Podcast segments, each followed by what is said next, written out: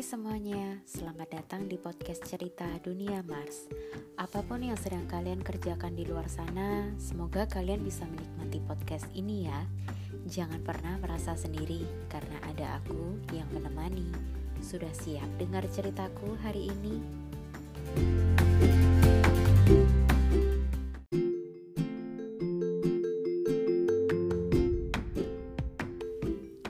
Episode kedua ini masih sehubungan dengan kehidupan di Guangzhou. Jadi, ada satu hal yang cukup penting menurutku waktu kita hidup jauh dari yang namanya keluarga. Apalagi kalau kondisinya mengharuskan tinggal di negeri orang dalam kurun waktu yang cukup lama. Nah, jadi episode kedua ini aku pengen cerita tentang pentingnya punya komunitas. Ya, komunitas adalah salah satu bagian dari kehidupanku selama aku tinggal di Guangzhou. Awalnya sebelum ke Guangzhou ya nggak ngerti sih soal apa itu komunitas dan pentingnya berkomunitas.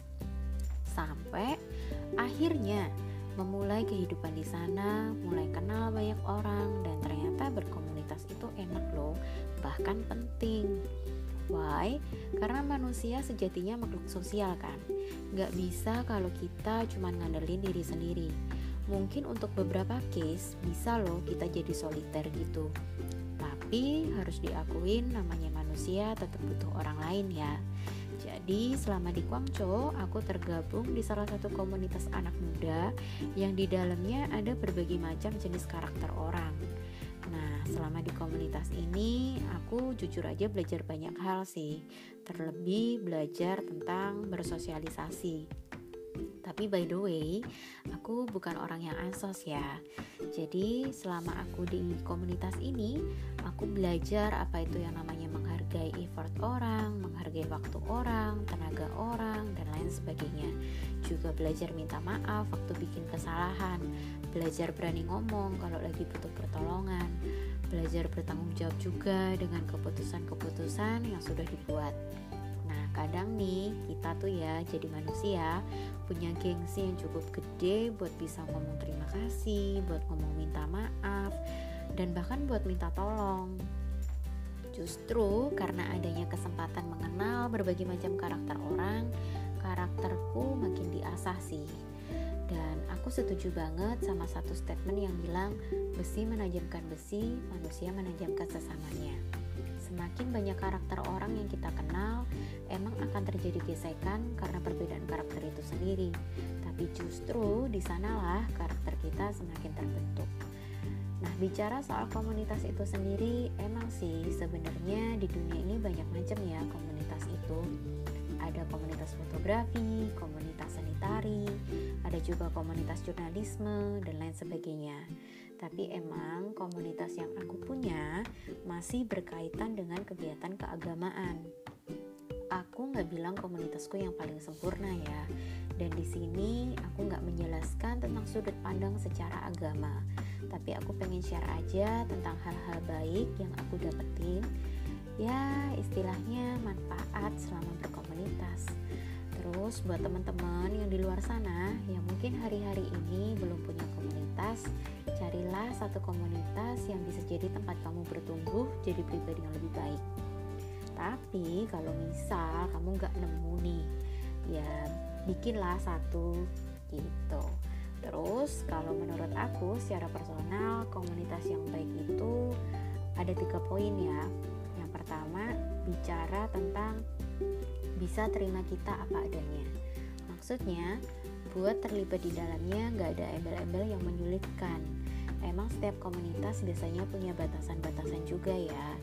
Nah pastiin komunitas yang kamu punya bukan komunitas yang menuntut kamu jadi orang yang sempurna. Terus di poin kedua bicara tentang membangun kehidupan kita. Maksudnya di komunitas ini kita dikelilingi sama orang-orang yang gak sekedar satu visi sama kita, gak sekedar satu interest sama kita, tapi juga orang-orang yang bisa nasehatin atau kasih masukan yang membangun. Yang berarti pasti akan ketemu orang-orang yang gak sependapat sama kita. Dalam berkomunitas, emang sih acceptance itu faktor penting. Tapi kita harus sadari kalau kita perlu selalu setuju sama pendapat kita. hidup bakal boring ya kalau aku bayangin. Kalau misal kita ketemunya cuman sama mereka yang selalu yes sama semua keputusan kita. Dan justru itu bakal bahaya banget loh untuk ke depannya.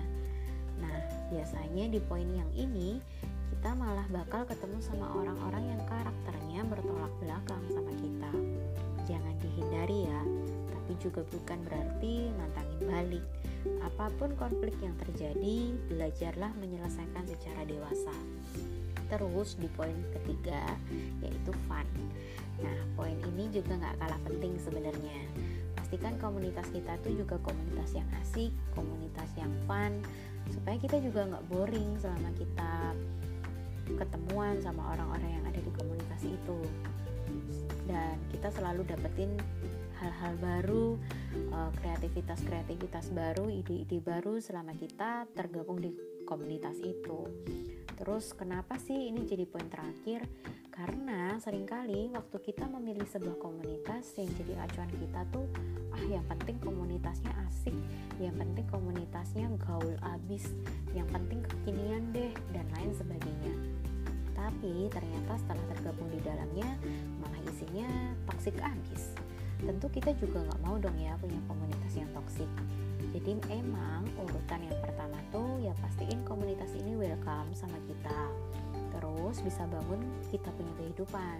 Baru selanjutnya komunitasnya fun. Dalam hal ini bukan berarti mengesampingkan fun dalam sebuah komunitas ya. Balik lagi sekalipun komunitas itu kelihatan fun tapi kalau isinya orang-orang yang toksik lama-lama malah jadi nggak fun ya nggak sih terus ada satu poin penting juga yang harus kita ingat pergaulan yang buruk merusak kebiasaan yang baik. Jangan sampai komunitas kita malah merusak good habit yang sudah kita bangun selama ini. Justru kalau bisa, malah kita terinspirasi buat terus berubah jadi lebih baik. Perlu kita tahu bahwa di dunia ini gak ada komunitas yang sempurna ya, apalagi isinya yang perfect semua itu totally halu deh kayaknya. Jadi, instead of nyari komunitas yang sempurna, coba cek apakah keberadaan kita di komunitas yang kita punya saat ini memberi pengaruh yang baik atau malah bikin komunitasnya semrawut. Tuhan sih nggak ciptain manusia sendirian aja.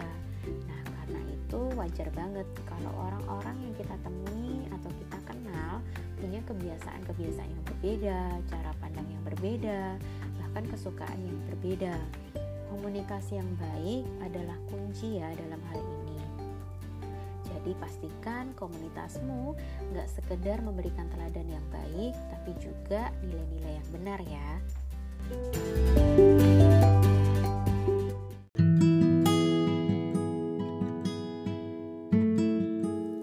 Terima kasih sudah mendengarkan ceritaku hari ini. Semoga ceritaku hari ini bisa membuatmu kita saja. Dunia terlalu luas jika kita hanya hidup berdasarkan pengertian kita sendiri. Itu sebabnya kita perlu komunitas yang membuat kita bisa melihat indahnya warna perbedaan. Terkadang hidup gak selalu tentang benar atau salah, tapi berguna atau tidak. Sekian untuk ceritaku hari ini. Sampai ketemu di ceritaku selanjutnya. thank you